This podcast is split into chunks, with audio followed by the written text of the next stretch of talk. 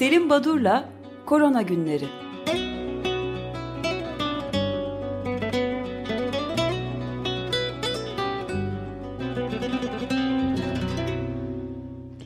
Günaydın Selim Badur, merhabalar.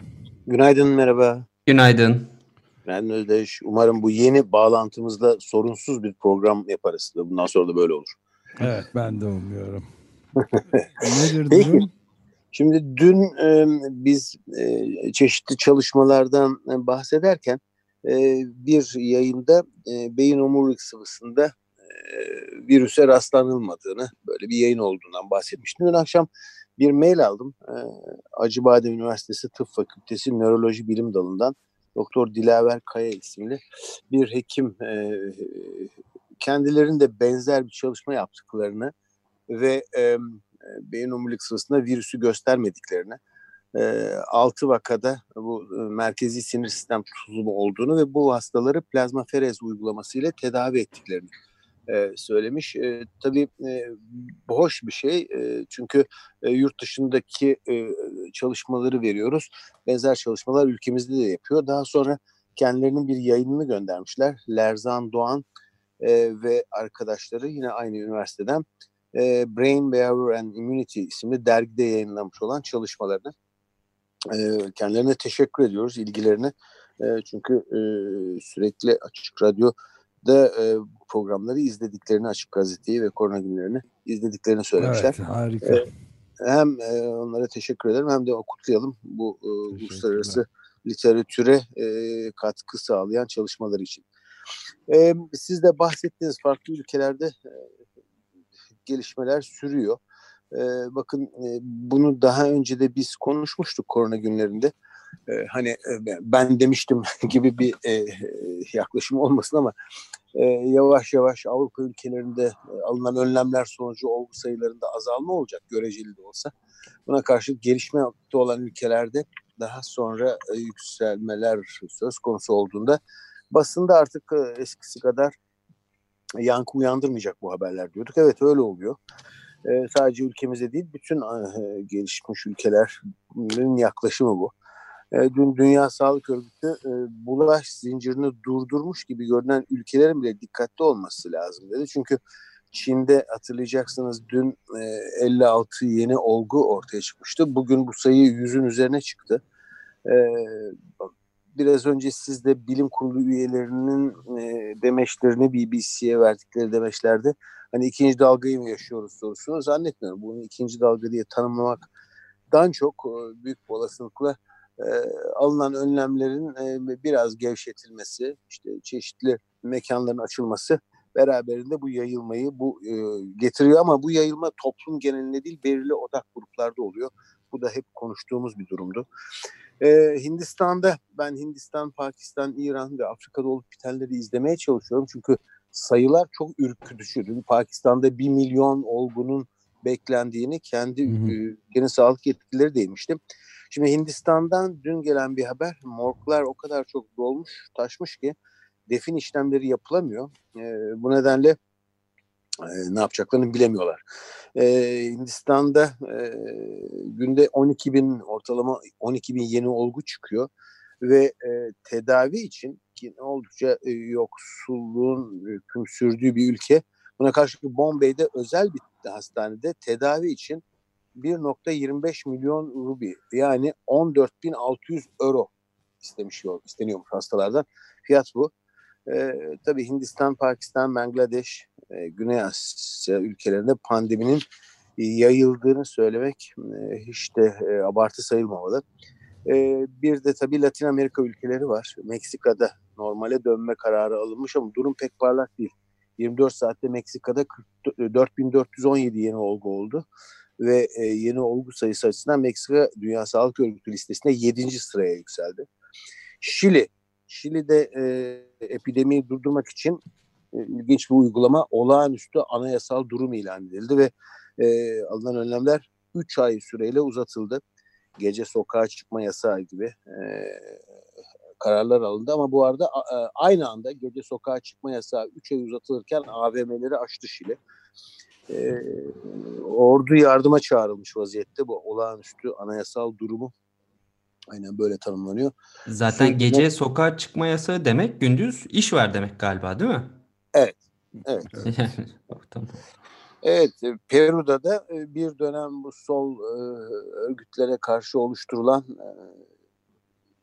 ve politikacıların oluşturduğu paramedikal paramedikal nerede işte para, e, paramiliter medikal para e, militer gruplar şimdi e, koruculara dönmüşler ve e, kurallara uymayan işte maske takmayan ya da sosyal mesafeye e, uymayanları kırbaçlıyorlarmış. Kırbaçla saldırıyorlarmış. Falan böyle garip garip e, şeyler olmaya başladı. Gelişmekte olan ülkelerde. E, ilginç bir e, haberdi e, belediyelerle ilgili. E, bu süreçte yerel yöneticiler ve belediye başkanlarının bazı kentler en azından örneklerini vereceğim önem kazandığı ortaya çıkıyor. Barcelona, Montreal, Budapeşte, Tokyo, Seul, Manchester, San Francisco, Madrid. Bütün bu oraların belediye başkanları ki en son örneğini Manchester Belediye Başkanı Andy Burhan'dan e, ki kendisi olup bitenleri 200'lülük olarak tanımlayan bir demeç vermiş. Bütün bu büyük kentlerin belediye başkanları e, politik alanda bir ağırlık kazanmış durumdalar. Böyle bir yorum var Le Monde'da. E, özellikle e, küresel ve büyük çapta sağlık krizi söz konusu olduğunda mobilize ettikleri yerel e, yönetim olanakları ile e, bütün bu kaynaklar ile e, çok olumlu işler yaptıkları söyleniyor ve e, popülariteleri artıyor. Tabii bunlar gelişmiş ülkelerde Ruanda'da, Kigali'de belediye başkanı biz Afrika'nın Singapur'uyuz dedi. E, ve e, akıllı kent olma yolunda ilerliyoruz dedi. E, Ruanda ilginç bir şekilde önlemleri alan e, ve konuya e, en duyarlı olan ilk Afrika ülkesi. E, davranış değişimini e, çok e, sağlıklı bir eğitim politikası izleyerek gerçekleştirdiklerini söylüyorlar. E, ben e, pardon bu noktada bir şey ilave edeyim izninizle. Evet. Yani Dünya Sağlık Örgütü Afrika'da çok e, sizin de daha önceden de bahsettiğiniz gibi yaygınlaşmakta olduğunu pandeminin söylüyor. Özellikle de Güney Afrika, Cezayir, evet. e, Nijerya, Mısır ve Sudan'ın ki çok evet. büyük ülkeler bunlar. E, Yemen'de de felaket boyuta gelmiş olduğunu zaten felaket bir ülke söylemişler. Bir de Amerika Birleşik Devletleri'nde 21 eyalette ikinci bir dalga için uyarılar başlamış. 118 bini aşmış durumda Amerika Birleşik Devletleri'nde. Ve bir e, Harvard'dan bir açıklamada e, Harvard Global Health Institute'tan da 100 bin kişi Eylül'e kadar ekstra bir 100 bin kişinin ölü, ölümünden bahsediyorlar Amerika'da. Evet, evet e, aslında bunlarla çok paralel giden bir şey biz programlarımızda bahsetmiştik. Peter Piot bu Belçikalı e, Ebola'yı bulan e, evet. ekibin içinde yer alan bir virolog e, daha sonra UNAIDS'in e, Birleşmiş Milletler AIDS e, bölümünün başkanlığını yaptı uzun süre ve şu anda da London School of Hygiene'in başında. Kendisi de enfekte olmuştu Mart ayında. E, Belçika televizyonlarına bir röportaj verdi e, dün ve biz salgının başındayız dedi böyle önemli bir e, ve ciddi bir virolog, ciddi bir bilim insanının e, bu e, demeci önemsenmeli. Ve kendisi de biraz önce herhalde bu şekilde seyredecek dediğim hiçbir zaman bu virüsün salgının kaybolmayacağını ama geniş dalgalar yerine Çin'de, Güney Kore'de gördüğümüz gibi belirli odaklarda alevlenmeler olacağını, bunun şu anda Çin'de yaşanan, Güney Kore'de yaşanan bu alevlenmelerin e, sonbahar aylarıyla birlikte Avrupa ülkelerinde de görüleceğini söylemiş. E, bu arada e, Watergate'den e, gönderme Lancet Gate e, konusundan e, insanlar biraz da tırnak içinde dalga geçmekte.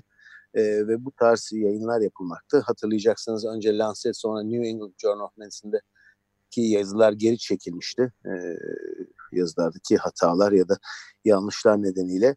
E, tabii bunun bunun nedenini e, sorgulamaya başlandı e, ki gerekli bir yaklaşım.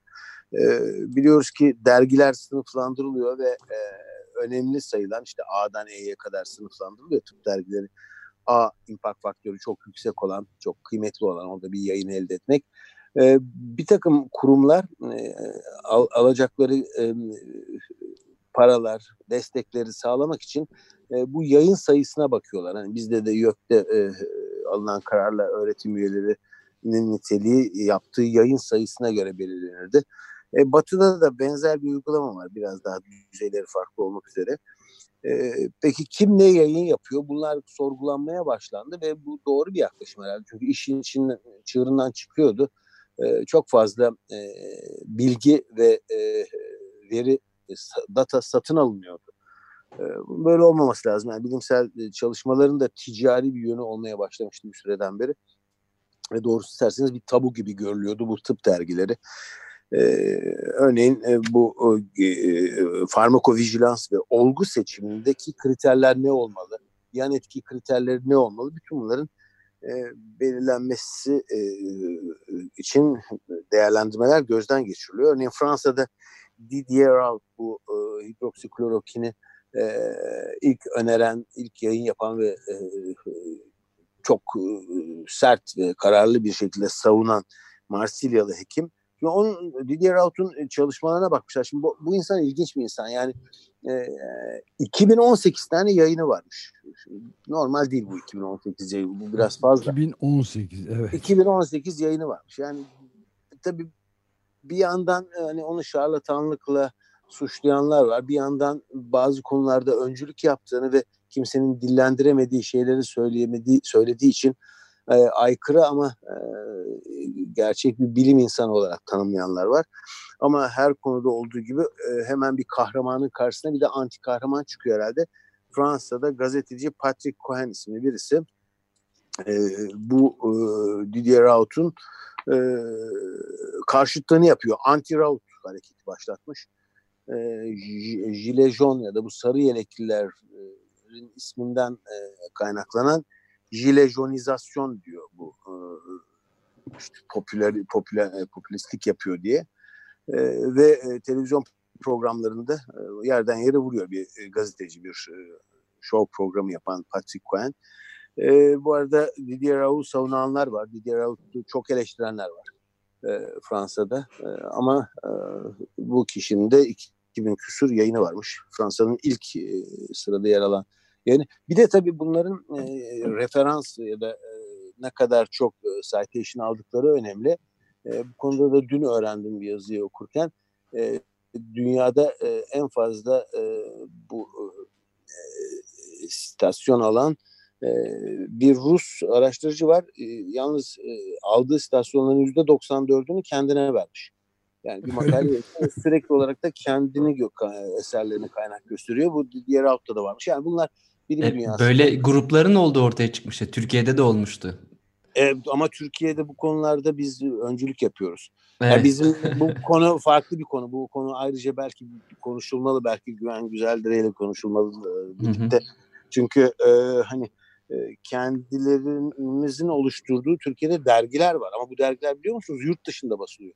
Yani yurt dışındaki bir takım dergilerin sahibi olan gruplar var tıp camiasında ülkemizde e, bunlar orada işte yurt dışı yayın yapıyor adam. Evet. Yani çok, birbirlerine referans vererek. Bir, bir, çok evet, önemli tabii. bir konu bu ve bu tabii, ben tabii, bu tabii vesileyle yani. bir duyuru da e, da da bulunayım izninizle bu e, Güven Güzeldere'den de bahsettiniz. E, yani bugün Türkiye Bilişim Vakfı'nın 25. yılında e, Faruk Eczacıbaşı ve Bekir Ağırdır'ın küreselleşme ve yerelleşme diye 16 Haziran bugün yani 16'da tbv.org.tr'de canlı yayını var. Ee, orada da tamamen bu meseleyi konuşacaklar sanıyorum yani e, yani bilimsel bilginin hayati önemi çağımızda. Tabii. Yani bunun çünkü tamamen böyle işte, komplo teorileriyle karışınca felaket oluyor. Aynı zamanda bugün e, şeyde de aşıların e, bir başka evet. bilimsel bilginin önemi olan şeyde evet. de aşılardan bahsedeceğiz. O da bugün e, 9.30-10 arasında açık. İki duyuru birden yapmış olayım. Bu bilimsel bilginin Çok da önemli. önemli çok önemli. Evet. Güven Bey'le görüşeceğim ben de. Ee, bu arada e, biraz gülümseteyim. Avrupa Astım Alerji Derneği öksürmenin yalnızlığı diye bir bildiri yayınladı. Çünkü Avrupa ülkelerinde bir e, lokantada bir e, örneğin eczanede ilaç alırken ya da herhangi bir toplu taşıma aracında öksüren kişiye öyle bir gözle bakıyorlarmış ki e, ve dışlıyorlarmış ki ya bu, e, bu kadar da değil yani. Bu dönem astım, alerji, polenler var etrafta. E, adamlar ne yapıyor? İnsanlar durup dururken ya ben Covid değilim, ben Covid değilim falan diye bağıranlar olmaya başlamış. Hapşırdığı için toplu taşımada dayak yiyen var. Sosyal medyada var. Bizde değil mi? Bizim ülkemizde var. Ee, yok dünyadan da sanırım. Dünyadan mı? Evet yani bu ama kampanyanın adı güzel. Öksürmenin yalnızlığı, e, öksürenin yalnızlığı veya. Evet. Evet bitireceğiz herhalde. İki tane de bilimsel yayın bir tanesi Japonya'da e, bulaş yollarının, bulaşma yollarının araştırması. Bulaş deyince de kızıyor bazı arkadaşlarım, e, dil bilimciler. Onun için bulaşma yollarının e, araştırılmasını e, yapmışlar. Clusterlar dediğimiz ve süper yayıcılar dediğimiz bir süreden beri önemli olduğu konusunda çalışmaların yayınlandığı bir, bir bir araştırma e, ve bu süper spreadinglerin yayıcıların yüzde 41'inde en ufak bir semptom yok. Bu önemli hmm. bir bulgu. Yani e, neden SARS 1'e kıyaslan SARS 2 bu kadar daha kalıcı oldu? SARS 1'deki gibi ortadan kaybolmadı ve e, neden e, bu kadar hızlı yayıldı? E, bugün 8 milyonu geçti dediniz evet e, öyle olgu sayısı. E, bunun nedenlerinden bir tanesi de e, asemptomatik dediğimiz yani belirtisiz olguların varlığı bir. İkincisi hastalanan insanlar da hastalık belirtileri ortaya çıkmadan en az 6 gün boyunca 6 gün öncesinden virüsü yaymaya başlıyorlar. Yani bizim etrafımızda hastalık belirtisi göstermeyen ama hangi aşamada olursa olsun hastalık belirtisi göstermeyen birçok insan e, virüsün toplum içinde yayılmasının esas kaynağı. Bu çok önemli, bu unutulmamalı. O nedenle bu maske ve sosyal mesafe konusu basit gibi, bıktırıcı gibi görülse de bu önlemlerin alınmasında yarar var diye düşünüyorum.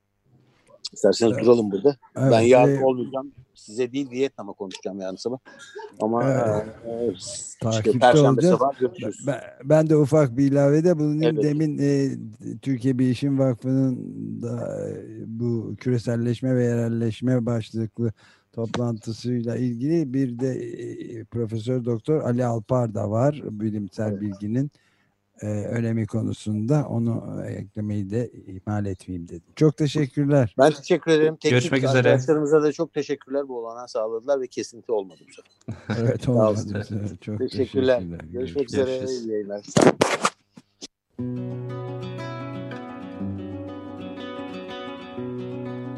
Selim Badur'la Korona Günleri